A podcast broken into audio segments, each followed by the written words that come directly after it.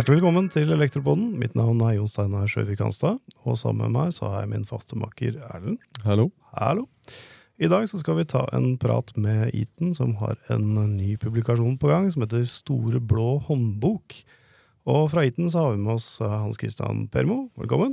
Takk, takk. Og Steffen André Skurdal. Takk, takk. Dere har gitt ut uh, Møllers uh, store blå Eller ikke Møllers, jeg er så gammel. vet sier Møller. Kløkner Møllers store blå. Han begynte, uh, han begynte som lille. Lille, ja, ikke sant? Lille grønne. Men det, det er Eatons store blå håndbok. Ja. Eatons store blå. Og så starta han som uh, Kløkner Møllers lille grønne. Var det det? Lille grønne, ja. Ja. Jeg vet ikke om du vil ta det, Steffen? Det er jo Eh, ja, det er vel kanskje Ja. Jeg det starta jo med noen veiledere på 80-tallet. Mm -hmm. um, og så kom det et nytt regelverk i 91, hvor Ja. man plutselig måtte begynne å vurdere. Og da Risikovurdering. eh, Yes, og da begynte bransjen å bli litt eh, Ja, den var, eh, hva skal jeg si for noe? Den ble litt usikre. Mhm. Og da, i 91, så slapp vi ut en eh, bok som heter Kn Kløkners lille grønne. Ja. Og det er en sånn brystlommebok med, med litt av det samme som vi kanskje kjenner henne nå, da. Ja, Så der har vi historien. Jeg, jeg, jeg starta på store grønne. Ja, ja. Det kommer jo an på når du begynner i karrieren din. Ikke sant? Det var 1998, år, ikke det? Det var da det var uh, Ja, store så da var det store grønne, ja. Så til å begynne med så var den jo liten, og det var jo en veldig stor endring da, fra at du hadde den rødboka som mange kjenner, eller i hvert fall enkelte kjenner, og til at du måtte begynne å gjøre vurderinger, beregninger, som man ikke hadde gjort før. Ja. Yes. Skal vi uh, hogge inn? Vi har noen tekniske temaer her.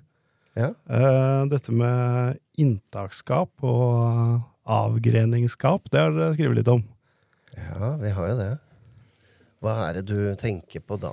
Altså, Jeg tenker sånn- på eh, et forslag som kom inn eh, Ikke et forslag, men det som kom inn i siste utgave av NEC 399, 2022-utgaven, så har vi jo krav til varsling på overspenningsvern. Stemmer det. Visuelt og eller eh, akustisk signal. Og eller. Og eller. Hvordan fikser er- vi det? Nei, altså der er det jo forskjellige måter å gjøre det på. Det, altså, det, du har én metode som man bør løse det på, sånn som jeg tenker det. Det er jo at man har en alarmkontakt på, på den, eh, det overspenningsvernet du har ute i tilknytningsskapet. Mm. For det har du et overspenningsvern der, og du egentlig aldri er ute i det skapet, så har du veldig liten kontroll på det. Mm. Og for å ha kontroll på det, så er det jo en veldig lur måte å trekke et varslingstablå inn i boligen din, da. Et, du bør ikke ha det midt over senga eller i stua, men i hvert fall et sted du ser når du går rundt. Ja. For er det, er det krav nå at det skal være synlig? For hvis det ligger i det skapet, så er det vel ingen som Da er det ingen som ser det. Og så er det jo litt sånn Hva skal man si? Altså, det er jo mange diskusjoner på hvordan man skal løse det. Mm. For det er klart det at det, har du da det tilknytningsskapet stående rett ved inngangsdøra di, skal du ha den lampa i skapet, eller skal du ha et tablå inne? mm. Det er jo en sånn diskusjon som man har. Og så må man velge hvilken som er best, da. Ja, det er jo ikke ofte jeg sier det, men det er jeg som er opphavet til alt dette eh, fanteriet her. Jeg syns det var en god idé. Mm. Ja. Eh, rett og slett, og så spurte jeg ja, deg blant annet, Hans Kristian, om det fantes produkter for deg. Og det var jo lenge før vi skrev det der inne i 39, så visste vi at det var hjelpekontakter på, på overspenningsvernet. For det er bare en hjelpekontakt, er det ikke det? Det er bare en hjelpekontakt. Ja, ikke sant? Så, så det, i utgangspunktet så er jo ikke det et veldig stort problem Nei. å få til. Men hele bakgrunnen for det er jo rett og slett at, eh, som Hans Kristian sier, vi er jo aldri ute i tilknytningsskapet, eller sjelden ute der. Og så skal du da kanskje lade en, en elbil, da. Og den er jo relativt sett ganske mye dyrere enn noe annet jeg plugger inn hjemme i mitt eget hus, i hvert fall. Og da er det greit å vite at denne overspenningsvernet faktisk funker, da. Mm. Så det ikke går i stykker. Det er helt riktig. Så veldig mye av det der går jo på da hvem løsning velger du. Ja. Skal du ha varsling på, på skapet ditt med en lampe der, så bør Mm. man eh, ja, altså, det, det er helt sikkert en mulighet til å gjøre det hvis du har jevnlig tilgang til å se det. Det er det det går på. For eh, det, det er ikke noe bedre å ha et varslingstablå over sikringsskapet inni en bod enn å ha det ved inngangsdøra. Det er litt sånn, så Du må gjøre noen vurderinger, men står tilknytningsskapet bak huset, så skal du i hvert fall ikke stå der. Nei. Altså Hensikten med det er jo at kunden skal bli oppmerksom på at du har en eh, enhet i huset ditt som ikke funker som den skal. Så får vi til det, så er vi, er vi langt på vei. Ja da, så øh, Hvis du skal gjøre en enkel løsning, så kan man jo da sette en lampe i hvert fall mot inngangsdøra, så når du åpner opp døra, så har du i hvert fall mulighet til å se det. Ja. Mm. Da må man følge med der. Ja. Så tenkte jeg på dette med elbillading. Det er også skrevet litt om, eh, Steffen. Er, er det du som har vært eh, redaktør for eh, publikasjonen, eller? Ja, mer eller mindre. Ja, Det har jo vært noe konsulenthjelp, men bortsett fra det så har det vært jeg som har holdt på, da. Ja. Mm. Og elbillading, det har du holdt på med en stund. Det har vi jo holdt på med en stund, ja. ja. vi har vel diskutert dette temaet om elbillading i fire år. Ja. Eh, siden jeg kom inn med NK64. Ikke sant? Så har vi jo diskutert det ganske hyppig, vil jeg si. Ehm, så der er det jo en del temaer sånn Og belastningsvern, trenger du det? Mhm. Kortslutningsvern, trenger du det? Mhm. Til hver eneste, eller holder du med på fellesen? Mhm. Jordfarvern, hvor, eh, hvordan er det? Hvor skal det plasseres? Trenger du DC-filter? Trenger du ikke DC-filter? Mm. Jordfarbrød type B? Og så videre. Det er mange, mange usikkerhetsmomenter. Ja. Ja. Og det dere gjør her, det er å vise hvilke produkter dere har som kan brukes i den typen installasjoner. Absolutt. Ja, ikke sant? Og hvordan de, eh, hvordan de funker. Og så har vi NEC 485 og 486, eller 487 som han heter, er det ikke det, Hans Kristian? Jo. Det blir jo slått sammen etter at vi ga ut uh, siste utgave av, uh, av NEC 400. Så en samleutgave. Så har du skrevet litt om uh, batterier og X-storage. Litt om batterier og X-storage, ja. Så har vi prøvd å Altså, hovedformålet med den store blå her, da, det er jo egentlig å ta for seg mindre boliger. Mm. Så vi har noen eksempler vi tar med, som enkelte bruker inn i næringsbygg også. Ja. Derfor så har vi også i boka så ser du også at vi har litt med innstillinger av effektbrytere. Mm. Selv om vi egentlig har sagt at dette her er for eh, Hovedformålet her er også å bruke den i boliger, da. Ja. Mellom 1 og 10 kA, som man ofte er kjent med der. Riktig. Men eh, så gir vi noen sånne tips på, på et par andre ting også. Ja. Og det er jo i forhold til lagring, så er det en av dem, da. Så prøver vi også å lage noen enkle hjelpemidler for uh, folk å kunne velge de lure løsningene. Ja. Men det er ikke dermed sagt at du, det utelater at du leser opp på noe annet. Nei. Men uh, for veldig mange går jo og tar De tar uh, nekkurs og, og sånne ting. Og så har på en måte den boka vært en, en måte som du faktisk setter i perspektiv. Ok, hva betyr det? Hva skal vi velge, og hvorfor? Mm. Så ofte så har de som bruker dem, har fått en, en, en, en, et kurs i NEC 400 først, eller 399, og så kan de gjerne finne hvordan du løser det praktisk. da. Ja.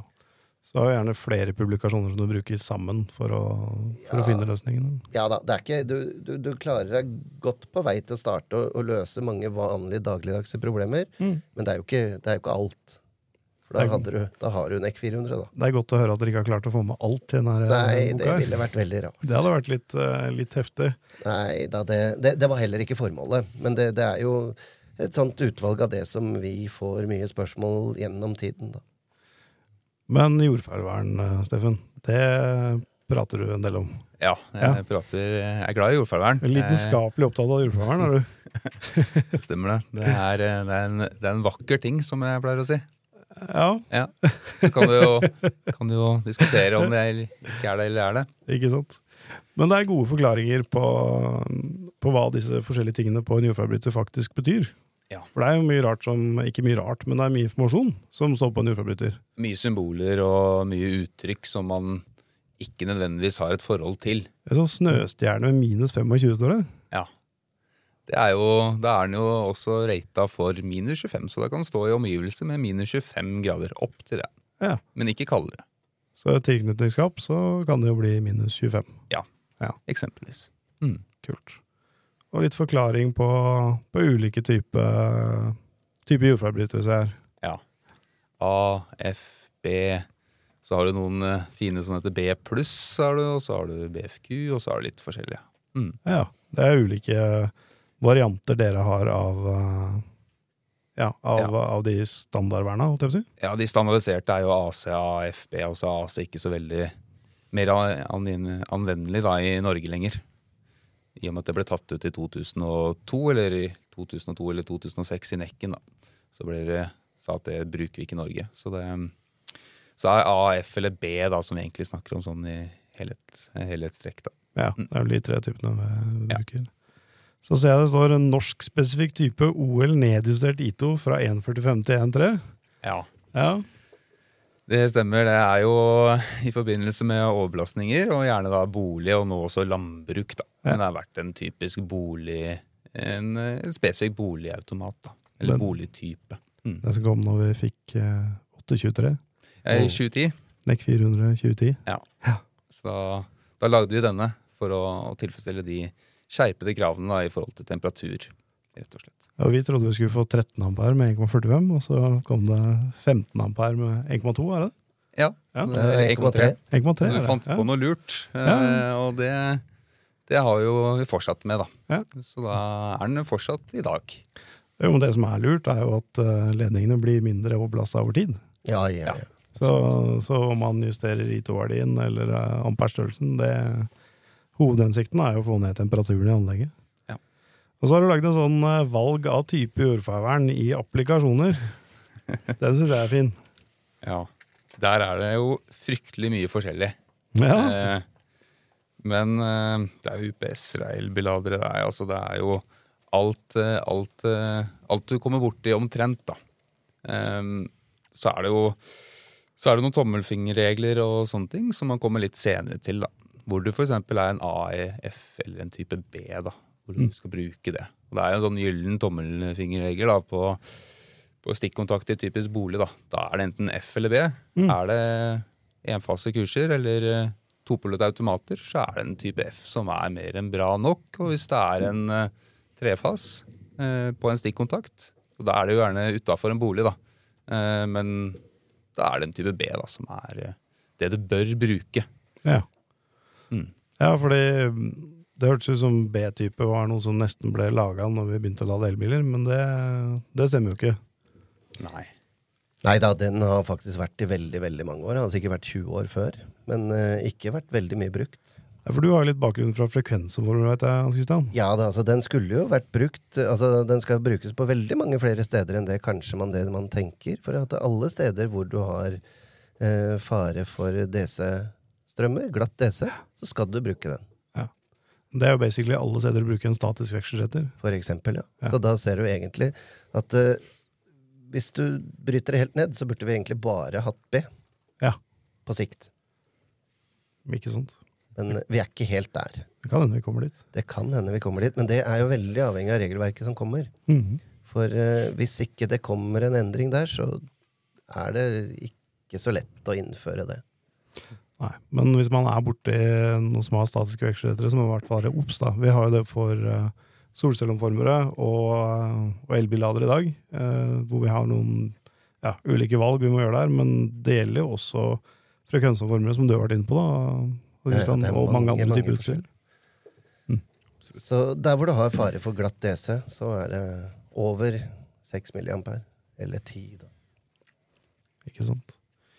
Og så har vi litt koordinering av, eh, av vern her, da, i forhold til eh, hvor man skal bruke hvilke typer vern. Ja. Ja. Det kan jo være lurt å tenke litt på. Det er sikkert ikke så dumt å tenke på det, nei. Det er jo Vi har mange forskjellige typer vern fått. Det er jo, nå er det jo overstrømsvern, altså overbelastning, kortslutningsvern, og så har du jo jordfeilvern, lysbevern, overspenningsvern. Mhm. Det er jo begynt å bli fryktelig mange forskjellige typer, og det er også kan fort bli veldig komplekst da, hvordan du skal sette det i en installasjon. Da. Men hvis du har jordfarvern på en kurs, og du skal ha to jordfarvern på kursen Det er veldig ledende spørsmål. eh, Du hører at jeg ikke er journalist. Eh, så kan du vel ikke bruke en A-type og en B-type, eller A eller F og en B-type sammen? Kan ikke du forklare litt rundt SF-en, for det tror jeg det er mange som lurer på. Det er jo sånn da at en, en B-type den slipper gjennom eh, nok eh, DC, eller likestrøm, da, til å mette. Da, altså gjøre at en type A eller F eh, ikke vil fungere. Sånn er tiltenkt. Ja. Og derfor kan du ikke sette en B på enden og ha en A foran den, eller en F foran den. altså to jordforvarende på samme kurs, Mm. så må du sørge for at det er B-type og B-type, ikke A eller F og B. Nei. Du kan jo sette en B og så til en A eller F. Det er ikke noe problem.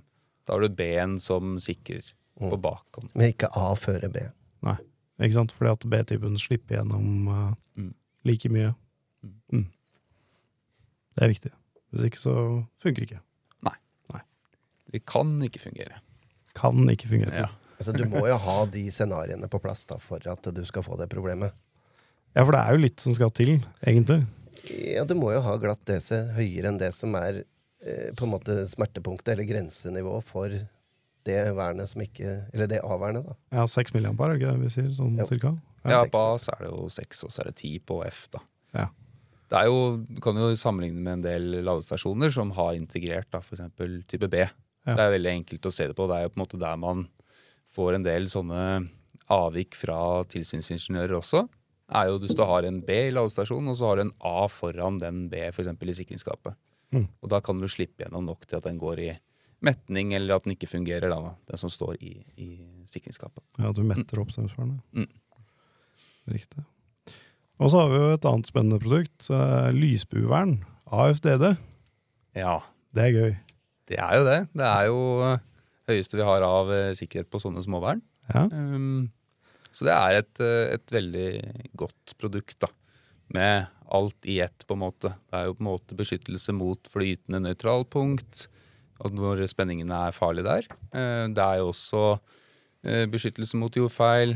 Det er jo overstrøm og eh, altså overbelastning og kortslutningsstrøm osv. Så, det er jo på en måte alltid et produkt. da. Det eneste som mangler, er jo beskyttelse mot uh, overspenninger, da, i form av samme sånn et overspenningsvern gjør. da. Ja, for disse AFDD-verna det er både jordfeil, overbelastning, kortslutning og serie- og parallelllysbur. Stemmer. Ja, Mm. i samme vernet. Arc Ja. Fault Detection Device Ja. for. Ja, helt riktig. Riktig. Og den er spenningsavhengig og strømstyrt. Den er spenningsuavhengig. Den er spenningsuavhengig. Det vil si, den er ikke avhengig av spenning eh, delvis. Det er På jordfeilvernet så er den ikke avhengig av spenning. Nei, på Ok, ja, riktig. Men, Men- på AFDD-delen så må du ha spenning. Absolutt. absolutt. Ja, så du kan jo for så vidt si at den er spenningsavhengig. Men ja. Mm. Ja, for der er det en liten mikroprosessor som ligger og kjenner litt på tingenes tilstand. ja, den kjenner rett og slett på hvordan sinusen reagerer, da. Eller hvordan den er. Mm. Det er riktig. Og så er det jo en vesentlig ting der at det minnefunksjon på det der lyset som er der, som du leser av feilårsak, Ja. er jo, sitter jo i bånn. Så det er derfor også da at det må valgt en side, for der sitter minnene. Tilkall elektriker, tror jeg. Ja. Da får kunden eh, se på det lyset, og så ringe Ja, altså, til installatoren. Ta det ganske enkelt, da. Hvis du har, er en sluttkunde, Mm. og så løser den ut på en lysbue, Mm. serielysbue, eller uansett hva det er, så kan du jo nesten gjette på at de har skrudd på den kursen igjen når du kommer. Mm. De har i hvert fall prøvd. Mm. Og så kan det hende at den ligger inne. Men da kan du jo faktisk med å øh, trykke på holde knappen inne, så får du faktisk vite siste feil. Å ja. Men uh, Selv om den egentlig ikke løser ut når de er der, for det er jo sånn det er. Da får du vite hva siste feilårsak var. Det er jo Ja. sånn som jeg nevnte, det er jo fryktelig mye den beskytter mot, eller ved. mm. Eh, så da er det jo greit å vite hva som skjedde sist som løste ut. Litt vanskelig å gjette om var det oblastning, var det kortslutning, var det jordfeil, var det forhøyet eh, spenninger i forhold til flytende enden. Mm. Altså hva var grunnen, da? Eller var det rett og slett en serie eller parallellspø? ja, for det er jo vanskelig nok å feilsøke sånne utgangspunkter. Ja, det, det er eh, Da skal du være god. For å si det sånn, det er jo ikke sikkert den feilen kommer heller igjen. ikke sant? Så det er jo det er viktig å, å, å ha en form for varsling, da, så du skjønner hva den er løst ut på, eller en indikasjon. Men dere sier skjønner hva den er løst ut på. Så hvis jeg kommer på en jobb da, Mm. og så er, eh, sier kunden at uh, verden er løst ut, og så holder jeg inne den eh, testknappen på Når du vipper den opp igjen. Du må skru den av på, så vipper hun opp og holder den inne. Da, får du, da gir den deg eh, en indikasjon på hvilken type feil han løste ut på. Uh, ok, men da sier han om det er serielysbue eller parallellysbue, eller er det liksom Ut ifra det systemet der, da. Ja. Hvor ett blink er så som eh, er det og det, og to blink er så, og helt opp til seks blink, da. Ja, så jeg får seriell lysbue, dimma seriell lysbue, parallell lysbue, flytende nøytral, overoppheting, og så har du tilkalla elektriker. Mm. Ja. ja, det er i hvert fall et utgangspunkt, da, for å finne ut, uh, finne ut hva som har skjedd. Mm. Det er bra. Du vet hvor du skal starte. Jeg vet hvor du skal starte. Ja, for jeg undersøkte liksom hvor du finner sånne testinstrumenter for, Ja. for det greiene her. Jeg fant det var noen som solgte sånn her til fly. Det var liksom ikke så ja, du bestilte det vel om? Ennå ikke fått Nei, Jeg spurte om jeg kunne få lov til det, men jeg, jeg ville, ikke, ville ikke sende det fra USA.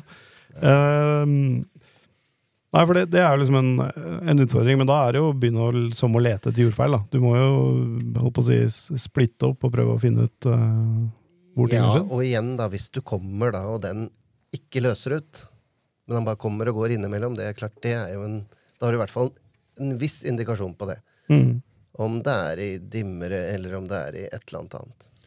For eksempel hvis den har lyst ut på den nummer fire der, da, ikke sant? som er sånn fire blink, som Mm. er flytende nøytral, så er det ok. Da er det kanskje ikke vits å begynne å feilsøke inn på installasjonen. Da er det kanskje et eller annet annet sted. Mm. Ikke sant? Det Så det gir deg et par sånne indikasjoner i hvilken retning skal du gå. Ja. Det er smart. Men det, det er samme som du får på den digitale jordforbryteren nå, gjør du ikke det? Der også får du vel noe beskjed Nei, vi får ikke for flytnøytral. Nei. Men du får jo Du får heller ikke noe hva du får hvis den er løst på jordfeil eller ikke. Ja. Ja. Så der kan du lese av det. ja, da er det blå flagget som faller ned mellom, eh, eh, mellom fasene der. Så er det ja. blå flagg som faller ned. Jeg tenkte på de digitale problemene. Er det ikke noe blunking på de òg? Jo, men det er måling av jordfeilstrøm. Ja, det er størrelsen på jordfeilstrømmen. Den lekkasjestrømmen du har i eh, den kursen, Ja. vil jo komme opp der. For da sier den at du begynner å få så mye lekk, og være litt oppmerksom på, på det her. Ja, ikke sant? Er det mer enn 30% så får du et gult. Er det mer enn 50% så er det jo rødt, da. Ja, Mm. ikke sant. Og så går den. Så, Mm. Sånn sett så er det jo veldig lett å se om du har noen kommende feil på gang. Det er som å gå til tannlegen. Begynnende hull. Begynnende hull. Ja. Ja, det er smart. Sant? Altså, det, er jo, det er jo vaktmesterens drøm. Altså, du kan bare gå runden din, åpne opp dørene, alt lyser grønt. Da, er det, jo- da vet du i hvert fall at du ikke har noen feil der, da. Mm. Det er sant. En ting vi får mye spørsmål om, Steffen. Overspenningsvern, feilbelading. Ja. Ja. Hvordan gjør man det? Har du, Hvordan noe gjør råd? det? har du noe råd? Hva skal vi gjøre etter ti meter? Ja, Hva skal vi gjøre etter ti meter? Eh, nei, vi har jo vi har en løsning på dersom det er mer enn ti meter. Men det fordrer jo noe at du må gjøre en vurdering og skrive det i risikovurderingen din. Mm. Um, og den eh, løsningen er jo egentlig den samme som den løsningen i 10 meter som vi har, som i forhold til type 2 og minstekrav da i, i NEC 400 for indirekte lynnedslag, Mm. et stykke unna bygget, eller installasjonen. Og da kan du bruke det samme, men du må skrive noe i risikovurderingen din, og det vil fortsatt være good enough og bra nok da for, et, eh, for å beskytte mot eh, overspenningskategori 2, da, som f.eks. bilen ligger i, som vi, jeg mener vi bør tenke på. da. Men dere kan være behjelpelige med den risikovurderinga i forhold til deres produkter, eller? Ja, vi kan jo det. Ja. Uh, og vi er jo det også. Vi, vi snakker jo mye akkurat om den timeteren, uh, at du kan gå lenger enn den timeteren. Men det er jo det er en del ting, en del ting og en del parametere du bør tenke på. da. Er det solcelleanlegg, så bør den det overspenningsvernet være hvor inntaket på solcelleanlegget er, og Mm. ikke midt utpå, for det kan jo endre på det overspenningsbeskyttelsesbildet. da. Et fint og langt ord. Eh, så det bør man eh, tenke på. Og så bør man eh, tenke på at det bør være Bør ikke ha noe felles eh, for hver eneste eh, boligeier. Det bør være en som er i dens eh, sikringsskap, da. Og så er det en del andre ting også som kan være fornuftig å tenke på. Ja. Så der kan man altså gjøre noen vurderinger rundt dette med årsmeldingsvern? Absolutt. Ehm, og da er det en, en, eh, en spesifikk rapport som går litt mer ut på det. da. Og Det er egentlig den man legger til grunn. da, En tredjepartskontrollrapport eh, fra eh, noe som heter ØV, Mm. som er en eh, østerriksk eh, organisasjon, samme som, eh, mer eller mindre samme som NEC, som har gjort en teknisk rapport. Mm. Og det er litt eh, ironisk at de har brukt 15 sider på å teknisk eh, dokumentere et bør-krav da i, i NEC 400 som vi kjenner igjen. Overspenningsvern er avanserte greier. Jeg Ja. arva Tomins leksikon av en tidligere kollega på tysk om overspenningsbeskyttelse, så Mm. det er store greier. Ja. Egentlig det enkleste vernet du har, som har blitt så stort. Ja, det er sant, det. det, er sant, det. Men eh, litt sånn, der, sånn fra min side her, så tenker jeg sånn Men eh, sier jo ikke den EK 400 at du skal gjenta det i hver fordeling? Nei. Nei vel. Når, så du skal uansett så skal du gjenta det hver tiende meter? Nå spør jeg bare for at jeg får Ja, du, alle de du, trenger, du trenger jo ikke beskytte kabelen, da. Det er jo Uansett beskytte- utstyr. Ja, du skal beskytte det Altså, de, de sier jo ikke hvilken type utstyr. De sier vel at du skal beskytte eh, altså det utstyret som du skal beskytte. Så hvis du skal beskytte elbilen eller elbilladeren, så må du hensynta det. Hvis Ja. du skal beskytte eh, noe annet enn et stikkontakt, du beskytter jo sånn at ikke en stikkontakt, men et annet type utstyr, eh, så må du legge til grunn det. Ja. Så det samme, altså selv om vi snakker om en eh, ladestasjon her nå, så gjelder det samme i en bolig. Ja, det, det, det er egentlig det. Altså, jeg, jeg, jeg vet jo bitte litt om dette her, men jeg, jeg spør så dumt som jeg kan spørre. For at det sier at du har, eh, si at du har hatt en stue, da. Så er det gått ti meter til første stikkontakt der. Har du litt utstyr, og så går det ti meter til. Hvordan skal du løse det? Da må, du du jo, sette opp pluggbart? da må du først vite hva slags type område det ligger i. da. Om det er et, er det, Hvilken kategori ligger det utstyret i. Eh, og hvis du skal beskytte det, så må du tenke på det. Så hvis det er et fint utstyr som ikke tåler så veldig høye overspenninger, som ligger det vi kaller i kategori 1, eh, så må du da nødvendigvis ha et finvern. Og da er det gjerne helt inntil utstyret. Ja. Men, men si at det her har du bare noe som trenger kategori to, da. Ja, Da er jeg spent. Da holder du med å ha det i skapet ditt. da. Ja. Mm, da har Da, du uansett om det går først ti meter til første, så kommer du til neste. Det er jo riktignok med det, eh, det utstyret som vi har lagt til grunn, eh, som ligger på en måte også i, i store blå, eh, så kan du det. Men du må jo Du kan jo ikke bruke bare et vilkårlig og bare pælme inn eh, det. Det må jo være noe som, som har et riktig beskyttelses, beskyttelsesnivå. At det er lav restspenning. da. Og hva lav restspenning er, det må man jo nesten se på fra leverandør til leverandør. da. Jo, altså, det, altså Grunnen til jeg spør om det sånn, det er for at jeg, jeg skjønner jo det at det, det er noen tanker som ligger bak, men hvordan har man egentlig tenkt det løst? Si det er et næringsbygg, da, bare for å ta det. Og så går du, det går fort ti meter Det gjør på det. alt mulig av utstyr. Hvordan er det tenkt? Er det, altså, ja, det hadde gått kjempebra. Hadde du hatt strømskinner overalt. Ja. For da kan du sette i tap-off-bokser og gjenta det hver tiende meter, men, men det er ikke så lett å få det til ellers, altså. Nei, og det er akkurat derfor vi har sett litt nærmere på den timeteren. For vi, vi syns jo det ble jo kanskje litt ekstremt. Um, og gjerne hvis du skal ha en i hver, hver elbil, så har du en Jeg vet ikke om du får noe ekstra god funksjon. Um, når vi vet det at det er jo mer enn en halvmeter med eh, jordleder da, til denne ladestasjonen, så påvirker det restspenningen. Og da er jo på en måte overspenningsvernet kanskje ikke gjør ikke den jobben den burde gjort. da. Eh, så det er litt, litt sånne type problemstillinger. da.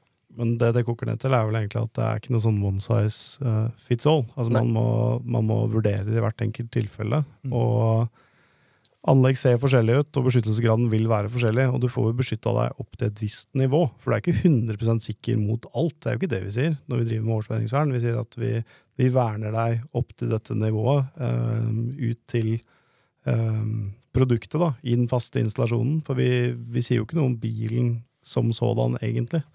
Vi verner jo ut til og med boksen. Det er jo det som er litt viktig da, å si at selv om et, en eh, ladeboks har, et, eh, har en eh, overspenningskategori 3, så hjelper ikke det bilen. Mm. Du må på en måte ha en, et overspenningsvern. da. Så den rapporten som vi henviser til, snakker om en overspenningskategori 2, som man gjerne har i en bolig, som er på en måte 90% av installasjonene, er jo, er jo innafor det området. Eh, mens bilen da ligger seg akkurat i det samme området. Så hvis du bruker denne eh, overspenningsvernet her, så vil du da ha god nok beskyttelse for at det kravet som ligger i NEC 400. Og så er det jo andre regelverk som går litt på f.eks. lynvernanlegg, da. Hvor det er behov for det. Da må man gjøre noen andre vurderinger. Jeg tenker vi skal eh, ta en eh, dypere kikk på den rapporten, eh, Steffen. Så skal vi lære, lære mer om det, for det er som du sier, det er fra et uavhengig, uavhengig institutt. Så jeg, jeg har veldig lyst til å lese meg kraftig opp på den for å, for å skjønne hva som ligger til, ligger til grunn der. Absolutt. Og det er For oss fagnøler da, Jon Steinar, så er dette fryktelig interessant. Eh, så er det jo Det er 15 sider med dypt teknisk inngående vurderinger som er gjort, da. Ja. Så, og det er ikke bare fordi forholdelsen forholdene som er i NEC 400, men det er også for direkte lynnedslag, eller eh, indirekte lynnedslag inntil, da. da. Vi tar en nærmere kikk på den. Erlend, når var du sist i sikkerhetsskapet? Eh, jeg er der titt og ofte, kan man si. Eh, men uh, det er ikke så mange som er det, tror jeg. Nei, jeg tror ikke jeg tror ikke fattern har uh, vært innom sitt uh, eh, på en god stund. Du må ikke henge ut far din, da. Ikke Nei, på søndagsmiddag. Men jeg kan jo si det uten at det, det gjelder vel de fleste, tror jeg. Ja, det tror jeg jo. Det tror jeg jo. Det er nok dessverre sånn at mange glemmer at de har, har et. Ting funker jo i dag. Så det er ikke noe nødvendig å gå inn her. Ikke skal du lese av måleren, måleren heller. Så det er ikke så mye du skal gjøre. Vi har jo litt utstyr som skal betjenes uh, dann og vann. Uh, men de aller fleste de, de glemmer jo egentlig at de, at de har det, tror jeg. Mm. Og det er veldig synd. Så kanskje vi skulle innført en sånn sikringsskapets dag? Det hadde nok ikke vært så dumt. Det er jo en del uh, utstyr som må trykkes litt på i ny og ne. Ja. Sånn som jordfabritteren. Så det er fornuftig å, å trykke på den ja, når det skal. Da det er enten en gang i halvåret eller en gang i året. For bare at de åpner sikringsskapet og ser at det ikke er tapetsert igjen, og at det ikke er noe synlig tegn til, til varmgang, at ting ser, ser greit ut, at det henger en kuffsteinelse der, at det ikke er fullt av haglepatroner og spritflasker inni, inni sikringsskapet, for eksempel. Ja, og så er det kanskje en fordel hvis du kjenner deg sydenvarme inni det sikringsskapet når du åpner døra, så er det kanskje på tide å, å ta, få en kontroll, da. Ja. Ikke sant? Helt klart. Mm. Helt klart. Um, da har vi snakka litt om uh, Møllers uh, store blå. Jeg sier Møller, jeg. Jeg må lære meg å si Eaton. Ja, det er jo blitt et par nå, år Ti nå. år eller noe sånt? Det er faktisk mer. Det var vel i Ja. sånn 2008 til 2010 byttet var, tror jeg. Ja, det kan du si. Så, um, Eatons store blå håndbok. Ja. Og hvor, hvor får man tak i den her? Ja, hvor eh, du kan jo få tak i den på nettet. Ja, Eh, Lasten ned?